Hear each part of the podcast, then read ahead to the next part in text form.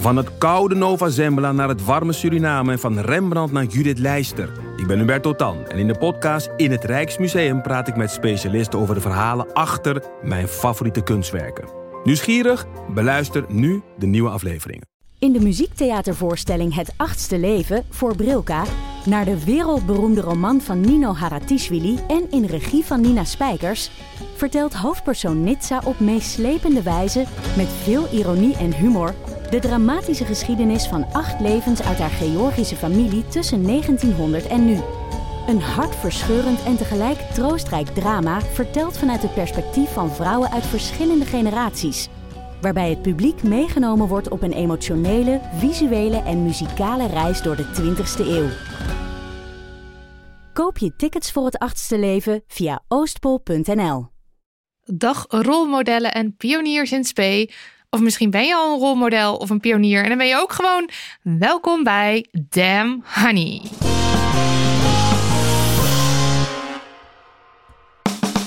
De podcast over shit waar je als vrouw van deze tijd mee moet dealen. Zeg niet. Wat brengt ons hier zomaar op een doordeweekse dag? Iets leuks. Uiteraard Oh iets ja? leuks. Ja, namelijk een extra aflevering die we maken in samenwerking met de Ribius Pelletier Penning. Waarin we gaan praten met een rolmodel en een pionier. Hmm, de Ribius Pelletier penning. De Ribius Pelletier penning. Hmm, Moet ik je geheugen op gaan frissen? fris mijn geheugen Ja? even op. Ik ga het je helemaal uitleggen. De Ribius Pelletier Penning is een prijs die elk jaar wordt uitgereikt aan een vrouw die zich inzet voor vrouwen in de Noord-Hollandse politiek. Eerder werd hij ge- gewonnen door iemand die jou niet onbekend is, namelijk Devika Partiman, Oh, Devika. Oprichter van Stem op een Vrouw. Zeker. Ehm, de keer daarna werd hij gewonnen door Manja van der Wijt, die het initiatief Vrouwen in de Purmerendse Politiek opzette. VIPS ook wel. Met dubbel P. Met dubbel P. En vorig jaar werd hij gewonnen door Sylvana Simons. En de jury zei toen over haar een voorbeeld voor de volgende generatie, generatie vrouwen die zich publiekelijk uitspreekt over de combinatie van seksisme en racisme, waardoor ze sociale onveiligheid in de politiek bespreekbaar maakt. Nog altijd zijn er veel mannen, vooral witte mannen, die aan het roer staan van de politiek. En dat is niet alleen op een landelijk niveau, maar ook op lokaal niveau. Ja, dat moet natuurlijk anders. Ja. Dat vindt de penning ook. En Ja. uiteraard niet alleen maar op qua man, eh, op man-vrouw verdeling, hè, op überhaupt representatie. Ja. Eh, maar de penning die richt zich dus voornamelijk op vrouwen. En op eh, 17 juni gaan ze weer iemand in het zonnetje zetten die zich inzet voor vrouwen in de politiek. Het leuke is, je kan daar zelf nog iemand voor opgeven. Je kan een kandidaat opgeven. Dat kan tot en met 15 mei. Dus ken jij iemand die een rolmodel is voor veel vrouwen en zich inzet voor de positie van vrouwen in de Noord-Hollandse politiek? Meld je kandidaat aan. En dat kan dan weer via www.penning.noord-holland.nl. Zet Ja. ik ook gewoon even in de show notes. En doe het snel dus, want je hebt maar tot en met 15 mei. Eh, je kunt ook zelf zo iemand worden en dan kan je volgend jaar kans maken om de penning te winnen. Dat zou toch geweldig zijn. Ja. Nou, zometeen eh, gaan we dus met iemand heel bijzonders spreken. We gaan digitaal inbellen met Joyce Sylvester. Zij is een van de juryleden van de penning en ze is dus zelf een rolmodel en pionier op politiek vlak. Haar cv is er echt eentje waar je u tegen zegt en waar je een boek over zou kunnen schrijven. Dus Oh ja. dat deed zij dan ook maar. Het heet Bent u de burgemeester? En eh, dat geeft al iets weg over haar politieke carrière. Want ja, ze was inderdaad burgemeester. En wel de eerste zwarte vrouw die waarnemend burgemeester was. En even voor de duidelijkheid, waarnemend burgemeester betekent hier niet een maandje de stoel warm houden voor de echte burgemeester en af en toe een lintje doorknippen. Met zo'n ambtsketting om. Ja, precies. Dat dat het enige is, dat is het niet zo. We hebben het hier over het full-blown takenpakket en alle verantwoordelijkheid, eh, verantwoordelijkheid die komt kijken bij het zijn van burgemeester. En dat jarenlang. ja, Ja. ja, eigenlijk ben je gewoon burgemeester. Je bent gewoon burgemeester. Dat deed ze in Annapolona en in Naarden. En ook was ze namens de PvdA 12 jaar lid van de Eerste Kamer. En afgelopen april werd ze benoemd tot de kersverse voorzitter van de Staatscommissie tegen Discriminatie en Racisme. En tijdens haar carrière heeft ze zich altijd hard gemaakt voor divers- diversiteit binnen de politiek. Eh, dat deed ze bijvoorbeeld door eh, deel uit te maken van kandidaatstellingscommissies. En daar dus heel erg zich uit te spreken over diversiteit. Eh, en ze is bijvoorbeeld ook initiatiefnemer geweest van het PvdA-netwerk Diversiteit. Ze heeft zoveel gedaan. Nou, en wij zijn razend benieuwd. Hoe gaat het nou in zijn werk, zo'n politieke carrière? Eh, hoe begin je? Welke stappen maak je? Ja, hoe kom je in de Eerste Kamer Ja, terecht? precies. Wat doet je- de mens daar nou precies? Wat zijn je taken? Ja. Eh, waar loop je tegenaan? En uh, wat drijft je eigenlijk als je besluit, ik ga de politiek in, ik ga de Eerste Kamer in? En, en, en hoe krijg je het voor elkaar dat de mensen om je heen ook politiek actief worden? Ja, want dat deed Joyce, of dat doet Joyce, moet ik zeggen, allemaal. Ja. Dus laten we de telefoon maar meteen aanzwengelen.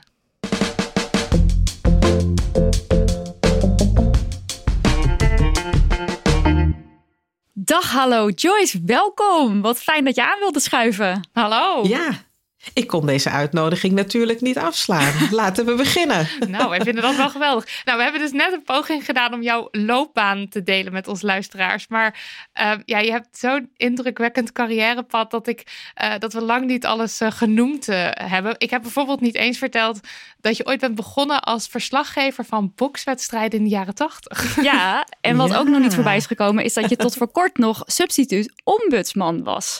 Maar weet je, ik had zoiets van: mensen moeten gewoon lekker dat boek van je gaan lezen. En dan kunnen ze helemaal mee in, uh, in alle stappen die je gezet hebt in je carrière. En wat denk ik vooral heel belangrijk is om te weten voor de luisteraar, is dat je de weg geplaveid hebt voor heel veel vrouwen uh, om uh, dat politieke pad te kiezen. En in het bijzonder ook vrouwen van kleur. En met deze aflevering hopen we dus ook om een hele lading mensen weer enthousiast te maken om ook politiek actief te gaan worden. Ja. Dus uh, we gaan gewoon lekker praten met je uh, over hoe je dat nou allemaal gedaan hebt. En zo'n uh, zo'n politiek pad, ik hoop dat het ook wat concreter wordt voor de mensen. Dus laten we bij het begin beginnen.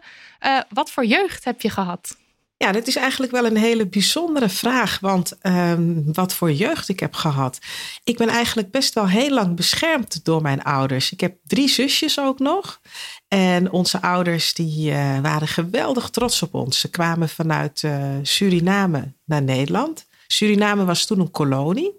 Mijn vader kwam naar Nederland omdat hij graag verder wilde leren op de technische school.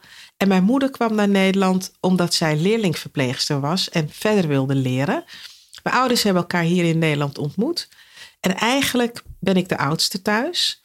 En ben ik met de andere drie zusjes die ook nog kwamen, heel beschermd opgevoed. Onze ouders waren heel trots op ons en die deden echt alles voor ons. En is het dan zo dat jij eigenlijk al op jonge leeftijd zoiets had van, nou, die politiek, dat, dat spreekt mij aan, daar wil ik wel iets mee? Nee, eigenlijk helemaal niet. Op een bepaalde leeftijd um, viel het mij wel op dat mijn ouders uh, wel spraken over het onderwerp discriminatie. Maar daarover spraken ze nog niet met ons. Want later begreep ik van mijn ouders dat ze vonden dat we zo lang mogelijk moesten genieten van uh, de mooie dingen in het leven. En dat ze ons nog niet wilden confronteren met discriminatie, racisme, vooroordelen, et cetera. Um, maar ja, je luistert natuurlijk ook naar gesprekken die je ouders voeren. Mijn moeder ging eens solliciteren. Uh, zij heeft een Nederlandse achternaam. Door de telefoon was alles in koek en ei. En toen ze daar ter plekke kwam, was de vacature ineens vervuld. Hm. En toen was ze niet meer nodig. Uh, dat soort dingen werd thuis bij ons besproken. En langzaam begon bij mij iets te ontstaan van hé, hey, er zijn verschillen tussen mensen. Uh, niet alle mensen zijn gelijk. En toen ik eenmaal zelf op de lagere school na een hele goede toetsuitslag VMBO schooladvies kreeg, toen wist ik echt zeker dat er iets mis was in de samenleving. Ja, hmm. ja want jij scoorde heel hoog op de CITO. En desondanks was het van nou, we weten niet of Joyce dat, dat aan kan. Nee, precies. En ik had eigenlijk wel vanaf, uh, ja, het waren toen klassen. Hè? Tegenwoordig heb je het over groepen. Maar toen ik op de lagere school zat, had je nog zes klassen. Uh, en in de eerste klas had ik een goed rapport. Tweede, derde, vierde, vijfde zesde ook. En ook een goede CITO-toets. Dus het was eigenlijk structureel goed. Ja. En toch kreeg ik dat schooladvies wat ik niet wilde. Ja. En wat heb, je toen ge, wat heb je toen gedaan? Of wat hebben je ouders besloten? Nou, ik, uh, uh, nou, toen ik het hoorde, dacht ik, ik kan naar de school van keuze. Ik wilde graag naar het uh, VWO. bij ons in de buurt stond een scholengemeenschap, HAVO-VWO. En toen ik de toetsuitslag hoorde, dacht ik: yes. Het is gelukt. Ja. Nu kan ik naar de school waar ik naartoe wil. Het is gewoon gelukt. Maar de meesters en de juffen zouden nog met de ouders bellen. En ik zag aan het gezicht van mijn vader toen hij de telefoon ophing dat er iets helemaal niet goed was. Hmm. En mijn vader zei: Je hebt VMBO-advies gekregen. Nou, toen ben ik naar mijn kamer gegaan.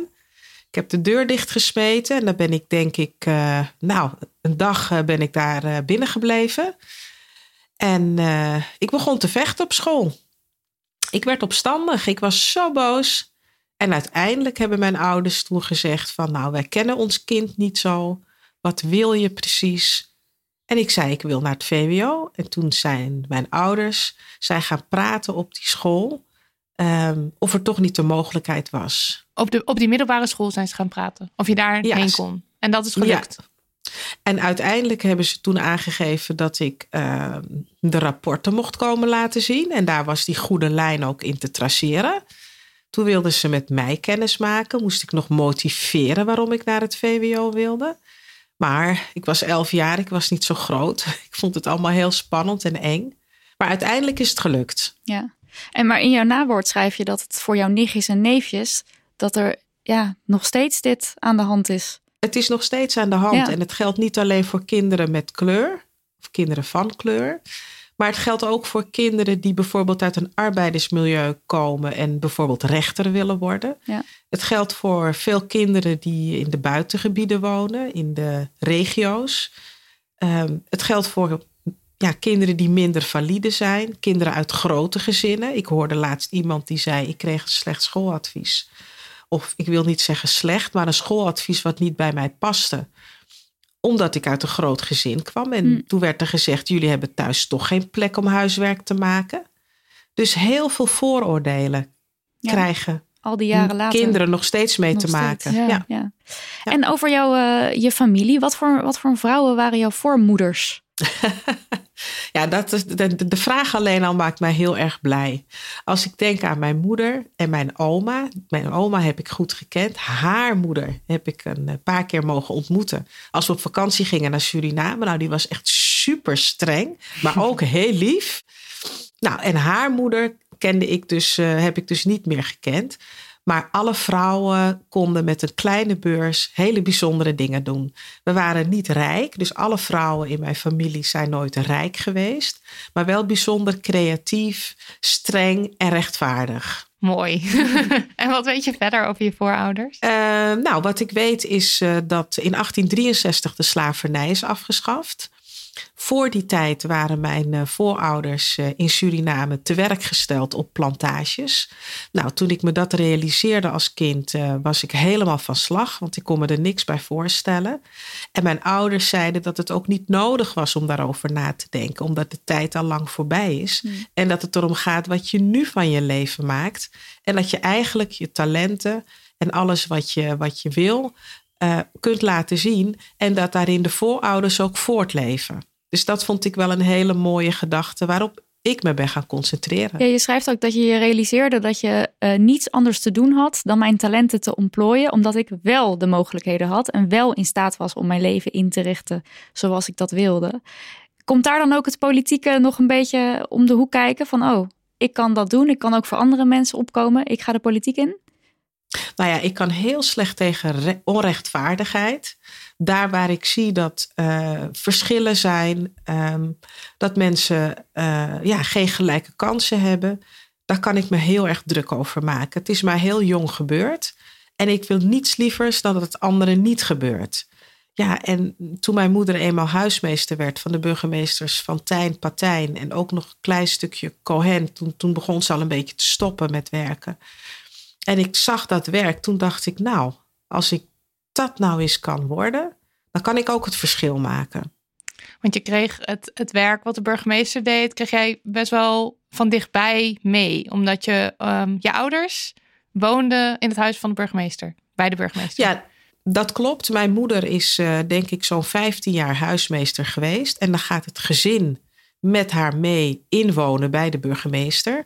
Ik was al het huis uit op kamers. Mijn jongste zusje is wel eh, meegegaan. Die heeft daar ook een tijdje gewoond.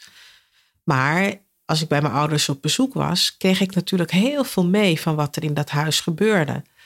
En ik realiseerde me ook door het handelen van die burgemeesters wat macht is. Wat het betekent als je zo'n functie hebt en dat jij degene bent die kan bepalen wat er gebeurt. En dat smaakte bij mij wel naar meer. Hm. Ja, je had er ook gesprekken over, toch? Met Ed van Tijn over eh, de inbewaringsstelling, als ik dat nu goed zeg. Klopt, dat is een eh, maatregel waarbij iemand eh, ja, eigenlijk gedwongen opgenomen kan worden. De psychiater heeft iemand nog niet gezien, maar de burgemeester kan beslissen dat het gebeurt. En ja, dat soort handelingen, dat kan je doen als je die positie hebt. En ik begon daarover na te denken en geïnspireerd ook door hem, ben ik toen me verder gaan verdiepen in politicologie, bestuurskunde. Want toen, op dat moment, wist ik nog niet dat ik burgemeester zou worden. Maar ik wilde wel verder onderzoek doen naar politiek en het openbaar bestuur. Dan uh, de Eerste Kamer. Hoe komt een mens in de Eerste Kamer terecht?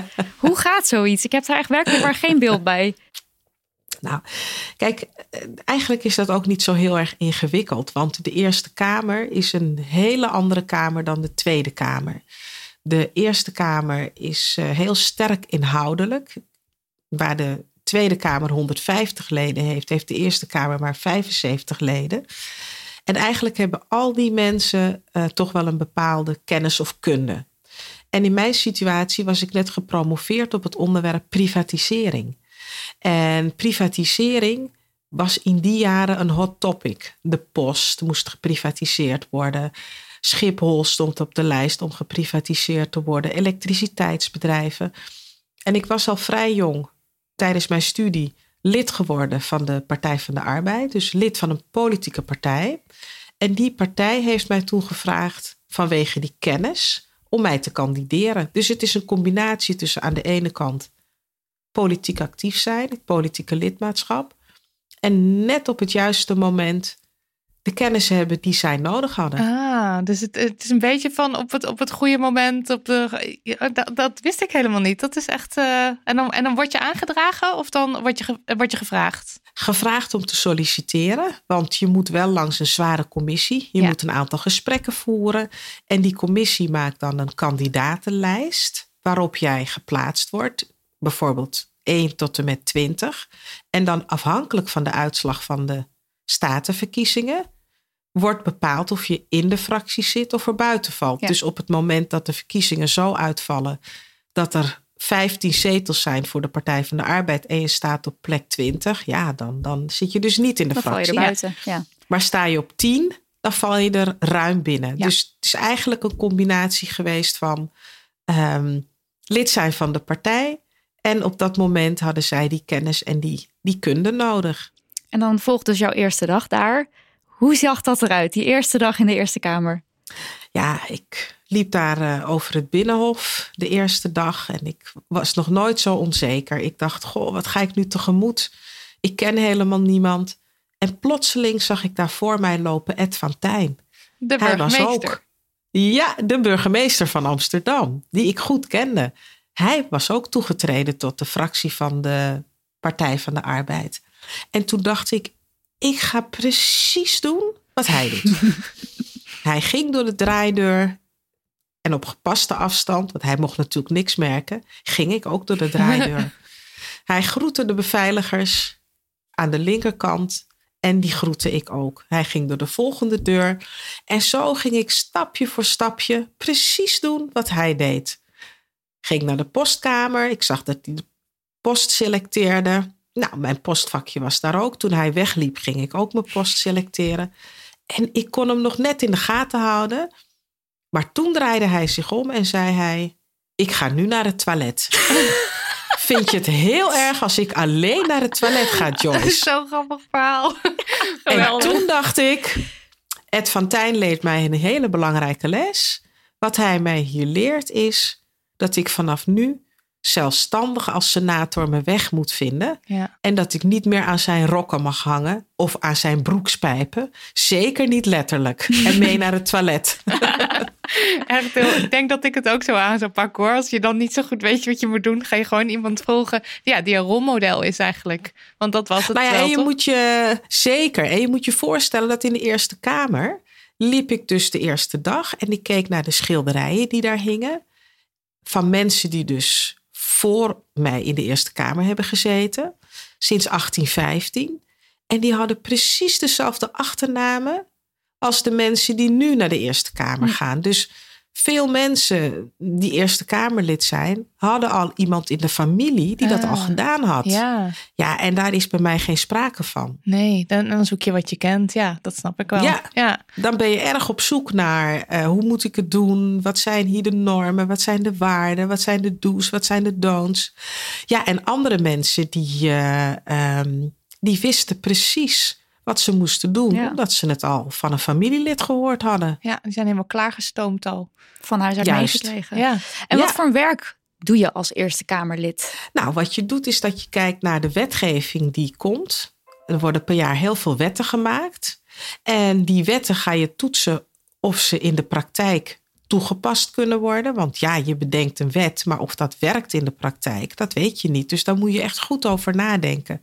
En dat is het werk wat je doet. Er komen jaarlijks heel veel wetten langs. En soms laat de Eerste Kamer de tanden zien door een wet te verwerpen. En er was er één situatie over eh, energiesplitsing. Juist. En daar heb je goed van je laten horen. Ja, want ik was eh, ja, wat dat betreft misschien mijn tijd te ver vooruit. De splitsing van de energiebedrijven betekende een stuk privatisering van ook de productie van energie. En ja, samen toch met een aantal andere senatoren hebben wij gezegd: energiepolitiek is buitenlandpolitiek. Wij mogen nooit afhankelijk worden van, eh, van de Russen. Nou, heel, heel eh, Ja. actueel En natuurlijk wij, ook wij moeten zorgen dat, eh, dat wij onze eigen bedrijven in handen houden. Want misschien willen wij wel veel meer inzetten op groene stroom. Misschien willen wij wel veel meer inzetten op duurzaam. En we zijn, willen wij helemaal niet afhankelijk zijn van bijvoorbeeld kernenergie uit Frankrijk. ehm, of van andere energie. Dus wij hebben er erg voor gepleit toen om zelf de eigen energiebedrijven te behouden. En uiteindelijk is ons dat met een motie tijdelijk gelukt om tegen te houden. Maar uiteindelijk heeft de minister de motie, die door de hele Kamer was aangenomen, naast haar neergelegd. En zijn die bedrijven toch gesplitst. Oh. Ondanks dat eh, het niet zozeer de PvdA was die dit, die dit vond, toch? Nee, zeker niet. En ehm, de hele Kamer vond het dat het eigen, dus alle 75 senatoren zeiden: we kunnen beter de bedrijven niet splitsen, want de andere landen in Europa doen het ook niet. En waarom moeten wij dat dan als eerste doen? Maar toch vond de minister aanleiding of reden om het wel te doen. Ja. Ja, en als ik er nu op terugkijk, energiepolitiek is buitenlandpolitiek. Dat is nu in deze tijd eh, eigenlijk wel een hele belangrijke les die we eerder hadden kunnen trekken. Zeker, ja. Ontzettend actueel. Maar toch op het moment dat je dan een beetje op het matje geroepen wordt van... eh, nou, mevrouw Sylvester, dit is niet helemaal hoe we het binnen de PvdA voor ons zien. Precies. Dat, dat lijkt mij dus een heel spannend, moment. spannend moment. Maar het is dan ook vertrouwen op je kennis. Jij had gepromoveerd op het onderwerp, je weet gewoon alles. En dan gewoon standvastig, dit is wat het is. Nou ja, en als senator stem je ook zonder last en ruggespraak. Dat wil zeggen, we hebben een leuk voorgesprek gehad voordat we dit interview starten. En jullie hebben toen aangegeven, voor ons is het belangrijk dat wij onafhankelijk zijn. Ja. Onafhankelijk onze programma's kunnen maken, onafhankelijk kunnen kiezen met wie we spreken. En dat we niet afhankelijk zijn van een subsidiegever of geldschieter die Ja. voor ons de agenda bepaalt. Nou, zo heb ik tegen de partijleider destijds gezegd: senatoren die stemmen zonder last of ruggespraak, die zijn zelfstandig Ja. en onafhankelijk. Waarop de partijleider zei: Maar jij bent lid van een partij en je hoort partijdiscipline eh, te betrachten. Jij dient stemmen wat de partij vindt. Ja, en daar was ik het niet mee eens. Nee. En, en wat waren er nog eh, gevolgen daarna? Nou, die waren er wel degelijk, want de gevolgen waren dat ik bij de nieuwe eh, ronde voor de keuze voor Eerste Kamerleden binnen de partij ineens heel laag op de lijst terecht kwam, waardoor ik niet meer in de fractie terecht kwam. Ja. En Ja, toen? En maar, toen? Dit, maar dit, dit, ja, sorry, maar dit, ik schrok hier echt van. Want dit was in 2006, 2007. Dus dat is helemaal Ja. niet zo heel lang geleden. Gebeurt nog steeds. Ja. Echt? Ja, want toen zei iemand eh, tegen jou van... Ja. maar Joyce, je moet blij zijn dat je niet op 20 staat. Want per Juist. cohort, per 10, eh, is er één migrantenvrouw. Ja, dat klopt. Ja, dat is eh, een opmerking die gemaakt is. Dus blijkbaar rangschikt de partij mensen naar regio, maar ook naar afkomst. Ik weet niet precies wat ze doen. Maar um, ja, ik had keihard gewerkt. En ik had me overal in het land laten zien. En vervolgens kreeg ik voorkeursstemmen. Ja. Yes. En toen En schoot we ik weer omhoog. Ja. En toen schoot ik weer omhoog. En toen zat ik in de fractie. Ja. Nou, en toen barstte echt de hel los. ja. Wat gebeurde er toen? Nou ja, dan wordt gevraagd of je je zetel wil opgeven. Of je vrijwillig terug wilt treden. Eh, nou, er wordt allerlei druk op je uitgeoefend. Met name ook door mensen die eh, dus uit de fractie. Want iemand gaat de fractie uit, hè? Want Mhm. jij, ik kom erin, maar dan gaat Ja. iemand anders eruit. En toen dacht ik, dit wordt me allemaal zoveel. Ik ga naar bed. ik ga er maar eens even een nachtje over slapen. En kijken wat ik ga doen als ik de volgende ochtend opsta. En de ochtend daarop kreeg ik een telefoontje van eh, een medewerker van de Eerste Kamer. En die zei: Joyce, ik heb de papieren nagekeken. Je bent eh, in de Senaat gekozen, maar je hebt nog niet getekend. Zou je heel snel naar Den Haag kunnen komen en je handtekening willen zetten? En toen ben ik, nou ja, ik wil niet zeggen in pyjama, maar heel snel in de auto gestapt. En ik heb getekend en toen dacht ik, dit is het. Ja. en ik laat goed. de rest over me heen komen. Yes. Ja. En als je, als je had geweten dat, als je van tevoren had geweten dat dit, zeg maar, dat deze ja, shit, zoals wij dat dan noemen, op je af zou komen, was je dan wel nog de politiek ingegaan? Ehm, laatst vroeg iemand mij, als je alles had geweten, zou je weer moeder zijn. Ja. Als je alles had geweten, zou je weer de politiek ingaan. Als je alles had geweten. ehm, ik denk het niet, maar het leven heeft mij zoveel vertrouwen gegeven. Dat ik weet dat je op de goede momenten kracht krijgt. Er zijn zoveel mensen om je heen zonder dat je het weet of merkt. Die dan naast je komen staan. Zo'n telefoontje van een medewerker. Kan je dat voorstellen? Die je zo over de drempel heen sleurt en een pen in je handen drukt en zegt: Je moet hier tekenen. Er is altijd hulp. Mannen, vrouwen, eh, familie, kennissen. Op de momenten dat je het zwaar hebt in je leven, Hm. is mijn ervaring, komt er altijd een reikende hand. Dus ja, als je van tevoren over alles gaat nadenken, dan zou je misschien kunnen denken: ik doe het niet, want ik kan het allemaal niet aan. Terwijl als je er onbevangen ingaat en je komt het tegen en je hebt vertrouwen, dan gaat het goed komen. Ja. Mooi. Dat is ook een mooie boodschap voor mensen die luisteren en denken van ja, ik weet het niet. Alle shit die op je af kan komen. Ja, en ja, als je je zorgen maakt, Knoop denk deze dat- woorden in ja. je oren. Eh, je schrijft ook in je boek, nou, je zei het net ook al van je ging heel veel het land in. Je sprak met heel veel mensen. En op een gegeven moment dacht je, het is tijd voor een nieuwe missie. Namelijk de mensen om mij heen, familie, vrienden, kennissen aanspreken. En kijken of ik ze meer politiek betrokken eh, kan krijgen. Hoe pakte je dat aan? Er werd tegen mij gezegd: Oh, wat goed dat jij dit doet. Oh, wat goed dat jij al die stukken doorneemt. Ah, wat fijn dat jij al die avonden gaat vergaderen. En op een gegeven ogenblik dacht ik: Ja, maar wat doen jullie zelf? Ja, Ehm, hallo. ik, hoef helemaal, niet- ik hoef helemaal niet aanbeden te worden. Ik vind het belangrijk dat jullie zelf mee gaan doen. Ga jij naar de stembus? Ik niet. Ehm, waarom ga jij niet op een lijst? Ik heb daar geen tijd voor. Waarom ga jij niet? Ik hou niet van stukken lezen. En toen dacht ik, ja, maar wacht eens even. Zo gaan we dat niet doen. Dus ik ben toen begonnen ehm, om, om zusjes aan te spreken. ehm, nichten, neven. Ja, ik weet niet wat ik moet stemmen. Ik zeg, ja, dat snap ik. Maar daar heb je dan een stemwijzer voor. Vul hem dan in. Dus ik heb ze stapje voor stapje dichter bij me gehaald. En de meeste zijn nu eh, ehm, ja, stemmen in ieder geval. Ik ben ook heel blij dat eh, een aantal mensen in mijn omgeving ervoor heeft gekozen om tijdens verkiezingen op het stembureau te gaan zitten. Want de stembureaus moeten ook bemenst worden. Ja. Ik had thuis een heel gesprek met mijn zoon, die, eh, die eh, net 19 geworden is. Die heeft al twee keer op een stembureau gezeten. Zegt van ja, mama, wat knap dat je dat allemaal doet. Zeg ja, maar jij kan ook wat doen.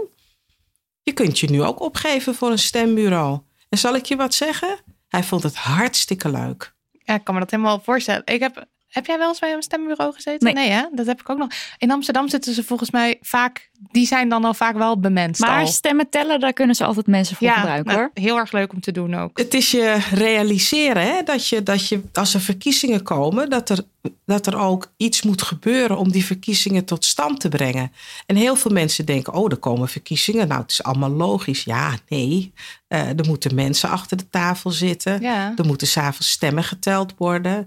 Uh, dus er is heel veel werk. Dus als je het interessant vindt, kan je jezelf daar tijdig voor opgeven. Ja. maar Ja. je moet natuurlijk wel vooruitdenken en de advertentie in de gaten houden. Of Ja, naar de gemeente bellen. kant. Ja, je moet even de gemeente bellen en zeggen van goh, de verkiezingen komen eraan over eh, twee maanden. Ik zou graag op het stembureau willen zitten. Kunt u mij vast noteren? Of ja, je moet een beetje, een beetje vooruitdenken. Ja, Ja, een beetje actie ondernemen van tevoren. Zeker. Eh, laten we even doorgaan naar ehm, het burgemeesterschap. Want je bent Ja. twee keer waarnemend burgemeester geweest. Hoe wordt een Ja. mens burgemeester? Net zoals hoe komt de mens in de Eerste Kamer terecht? Ehm, ja, in mijn geval ben ik gevraagd door de commissaris van de Koning. Die, ehm, eh, kijk, als je in de Eerste Kamer zit, dan beginnen mensen je al te zien. Dan, dan gaan mensen kijken, hoe stem je, wat doe je, welke wetsvoorstellen behandel je. Maar blijkbaar was ik heel energiek. En de commissaris van de Koning van Noord-Holland had een burgemeester nodig die een fusie eh, ging vlot trekken. Er waren wat problemen, er was een hoop gedoe. En die heeft toen aan mij gevraagd: zou je willen solliciteren voor de waarneming in Annapolona? En je hebt maar één tijd, één opdracht. En die opdracht is dat jij ervoor moet zorgen dat die fusie vlot wordt getrokken. Want ze komen er niet uit. Het moet beter worden overlegd. Ze moeten tot elkaar komen. En ik heb iemand nodig die heel veel energie heeft. Wil je solliciteren? Dus toen heb ik gesolliciteerd. En toen heeft men unaniem voor mij gekozen. En voor de luisteraars die niet weten waar Annapolona ligt, het ligt net onder Den Helder. En behoort dus eh, zeg maar in Nederland tot de Noordkop. Zo wordt er over gesproken. De kop van Noord-Holland. En tegenwoordig is Annapolona een onderdeel, eh, gefuseerd onderdeel van Hollands Kroon. Zo heet de gemeente nu. Dus het is gelukt. Het is gelukt, Ja, zeker. Anders was je nog Ja. waarne- waarnemend burgemeester daar geweest. Op, eh, ook daar weer op je eerste dag eh, een verhaal. Want opeens eh, stonden er allerlei media op de stoep. media op de stoep. En ik begreep totaal niet waar het over ging. En de secretaresse was helemaal van streek. Want de NOS komt nooit in Annapolona. dus ineens stonden er hele grote auto's voor de deur met van alles. En nou ja, uiteindelijk eh, heb ik besloten om er niet aan mee te werken. Omdat mij bleek dat ze mij wilden spreken omdat ik vrouw was en zwart. En ik zou in 2008 de eerste vrouw zijn van Surinaamse afkomst die in Nederland ehm, het ambt van burgemeester ehm, ging uitoefenen. Ik vond dat zo raar. Hmm. Ik vond het echt heel raar. Als ik ochtends ehm, eh, ja, onder de douche sta of bezig ben met dingen te doen, ben ik daar helemaal niet mee bezig. En had je je gerealiseerd dat dat, dat dat iets zou kunnen zijn wat mensen dan dus bijzonder vinden? Ja, dat je dan een pionier op dat vlak bent. Totaal niet gerealiseerd. En ik heb dus ook gezegd: als ik hier een jaar werk en ik weet wat ik kan en wat ik niet kan, dan komen jullie maar terug. En eigenlijk veel later viel bij mij het kwartje dat het wel belangrijk was. En dat het eigenlijk een soort doorbraak was. Maar op dat moment vond ik het raar. En, en kan je dan iets meer over die doorbraak vertellen? Want hoe kijk je daar nu naar dan? Nou, ik denk dat het heel belangrijk is om te laten zien dat het wel kan. En ik had eigenlijk misschien het moment meer moeten benutten om te laten zien: kijk, ehm, een vrouw als ik, met mijn afkomst, mijn kleur, kan ook burgemeester worden. Alleen zat ik er toen zo helemaal niet in. Misschien was ik ook nog onzeker, wilde ik eerst weten zelf of ik het goed zou doen. Want ik dacht ook, als ik dit nu ga doen en ik kom helemaal in de media, misschien kan ik het helemaal wel niet. Hmm. Eh, of vind ik het helemaal wel niet leuk. Ehm, dus ja, ik was ook een beetje nog niet zo stevig geworteld natuurlijk. Je hebt ook later in, eh, in Naarden ben je dan burgemeester. Daar heb je ook eh, echt een aanvaring. Of een aanvaring. Daar kwam iemand die zei: Bent u de burgemeester? Dat geloof Ja. ik niet. Dat is ook de titel van het boek geworden. Ja.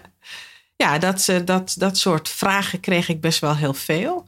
Dat mensen een ander beeld hebben van een burgemeester. Een burgemeester is man, een burgemeester is wit, een burgemeester is uh, zo tegen de zestig, een burgemeester. Nou, mensen hebben heel veel beelden daarbij. En ik vond het eigenlijk wel heel leuk om dat beeld aan diggelen te slaan. En om mensen te zien die met open mond uh, naar mij keken wat ik allemaal deed, vond het eigenlijk wel heel erg leuk. Toen kreeg ik er veel plezier in eigenlijk. En wat voor taken ja. horen er bij een burgemeester? Nou, om te beginnen is een burgemeester verantwoordelijk voor de openbare orde en veiligheid. Als er in de studio waar jullie nu zitten, kloppen we meteen af, een grote brand uitbreekt, um, dan uh, is de burgemeester opperbevel, opperbevelhebber. Dan komt de brandweer, er moet gezorgd worden dat de brand wordt geblust.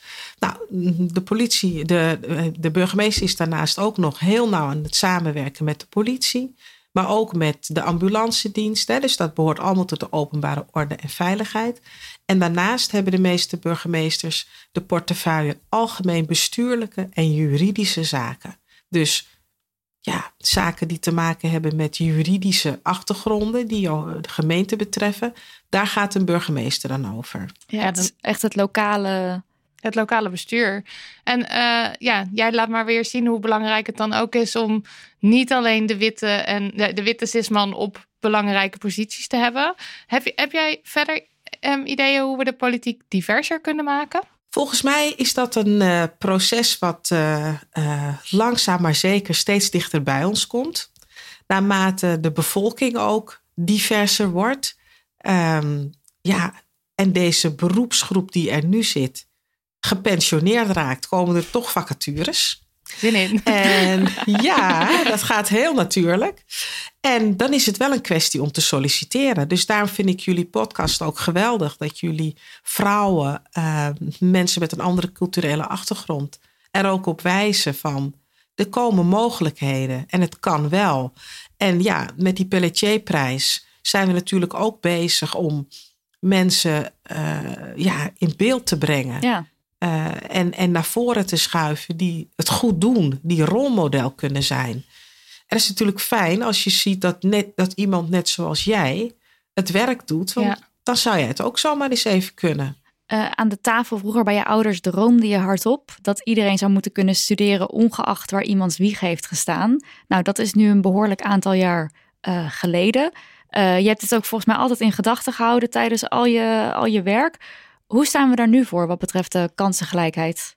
Ja, dat, dat, daar zit ik een beetje ambivalent in. Want aan de ene kant zie ik dat um, um, studeren uh, voor meer mensen mogelijk is. Dat de bevolking hoger opgeleid wordt.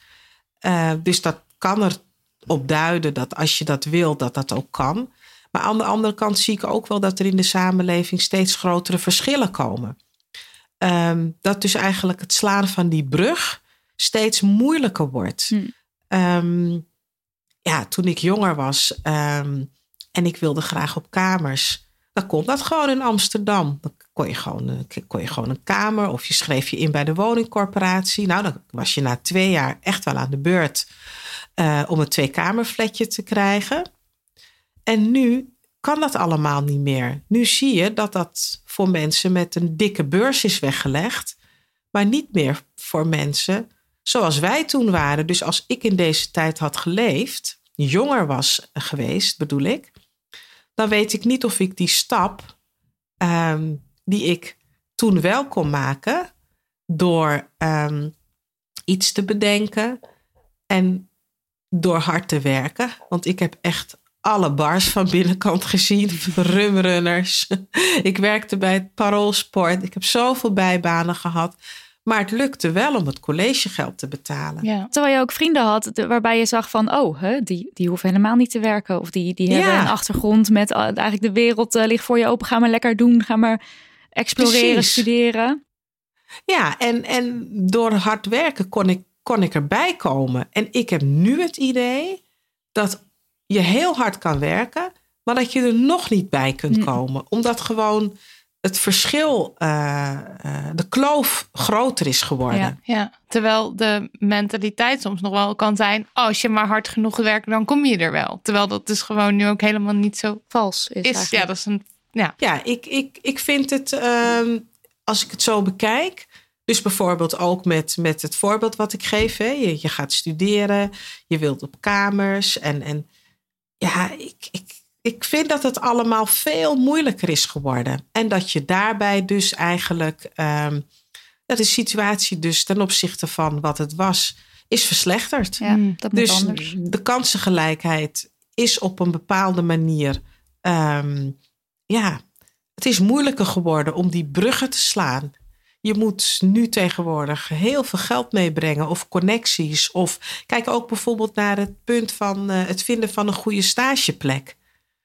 Ik ken velen die uh, solliciteren zich suf voor een stage. Die komen nergens aan bod. En meer dan ooit moet je nu een netwerk hebben. Ja. Ja. Dat, dat- je iemand kunt bellen die je kent. eh, en die je naar binnen loodst. Ja. En dan denk ik, ja, toen ik studeerde, eh, hadden wij dat helemaal niet. Omdat mijn ouders uit Suriname kwamen. Hadden we natuurlijk wel wat connecties. Maar niet met mensen die in top van het bedrijf. Ja. Nee. Wat, eh, wat zijn je wensen of, of doelen voor de toekomst? Dat we dat laatste wat we nu met elkaar bespreken gaan aanpakken. Mhm. ik was dus ook ontzettend blij eh, dat eh, nou ja, het hele gebeuren rondom ehm, de studiebeurs en, en het opbouwen van schulden door studenten en zo, dat vond ik echt verschrikkelijk. Dat ik studenten sprak die, die eh 40, 50.000 euro schuld hebben.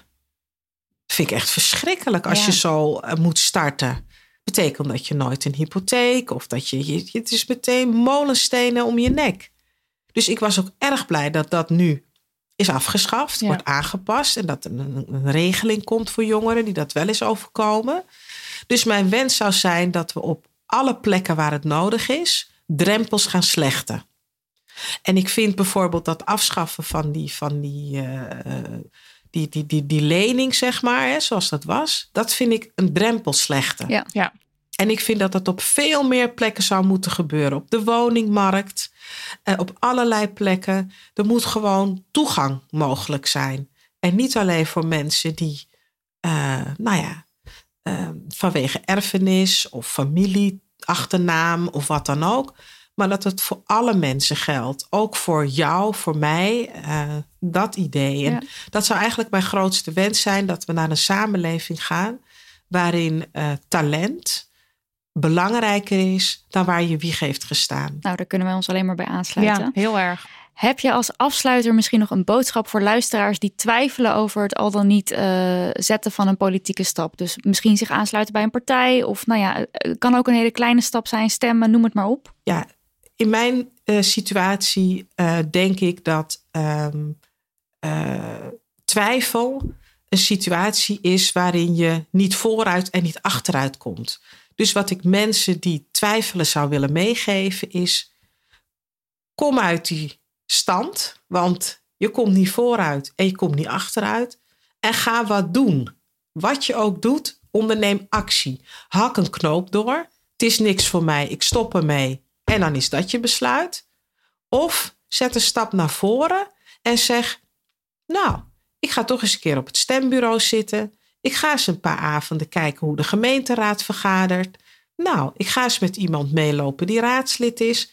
Maar doe iets. Doe iets. Ga niet in die twijfelstand blijven staan. Zet een stap naar voren of een stap naar achteren. Yes. Ja, super praktisch. Ja, ja hartstikke doe iets. concreet. Ja, mooi. nou ja, dankjewel Joyce. Super fijn dat je eh, bij ons aan wilde schrijven. Eh, we blijven je volgen. We kijken uit naar een tweede boek. Hopelijk heet die dan U bent ongetwijfeld de burgemeester.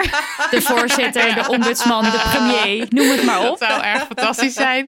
En eh, ja, ja, dankjewel. Hartstikke bedankt. Ja. Nou, ik vond het heel leuk om aan het interview mee te werken. En ik blijf jullie ook volgen, want volgens mij zijn jullie goed bezig. En we gaan elkaar nog treffen bij de, uitreiking uitreiking, van de ja. Pelletier. Zeker. Zeker. Penning. Superleuk. Toch? Daar gaan we Ja. elkaar live ontmoeten. Ik kijk er naar uit. Dit was het weer, lieve mensen.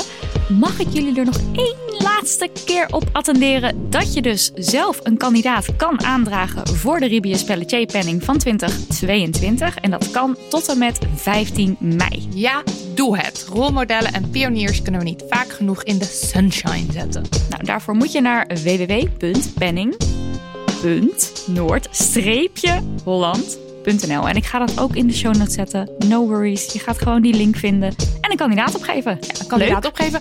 Of uh, misschien word je volgend jaar zelf wel die kandidaat. Of misschien word je dit jaar wel zelf die kandidaat. Als je lekker bezig bent en denkt: hey, hallo, ik voldoe helemaal aan alle eisen. Ja, geef jezelf gewoon op. Kan ja, doe het gewoon. Ik weet Why dat mag, maar doe, gewoon, ja, ja, doe het zoals Joyce het ook zou zeggen.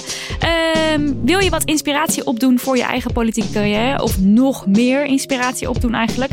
Dan kan je het boek van Joyce natuurlijk lezen. Bent u de burgemeester heet het. En het ligt in eh, de betere boekhandel. Ja, ik heb zin om me politiek in te zetten voor allerhande doelen. Ik ook. Ja, let's go. Let's do, do it. Of niet hè?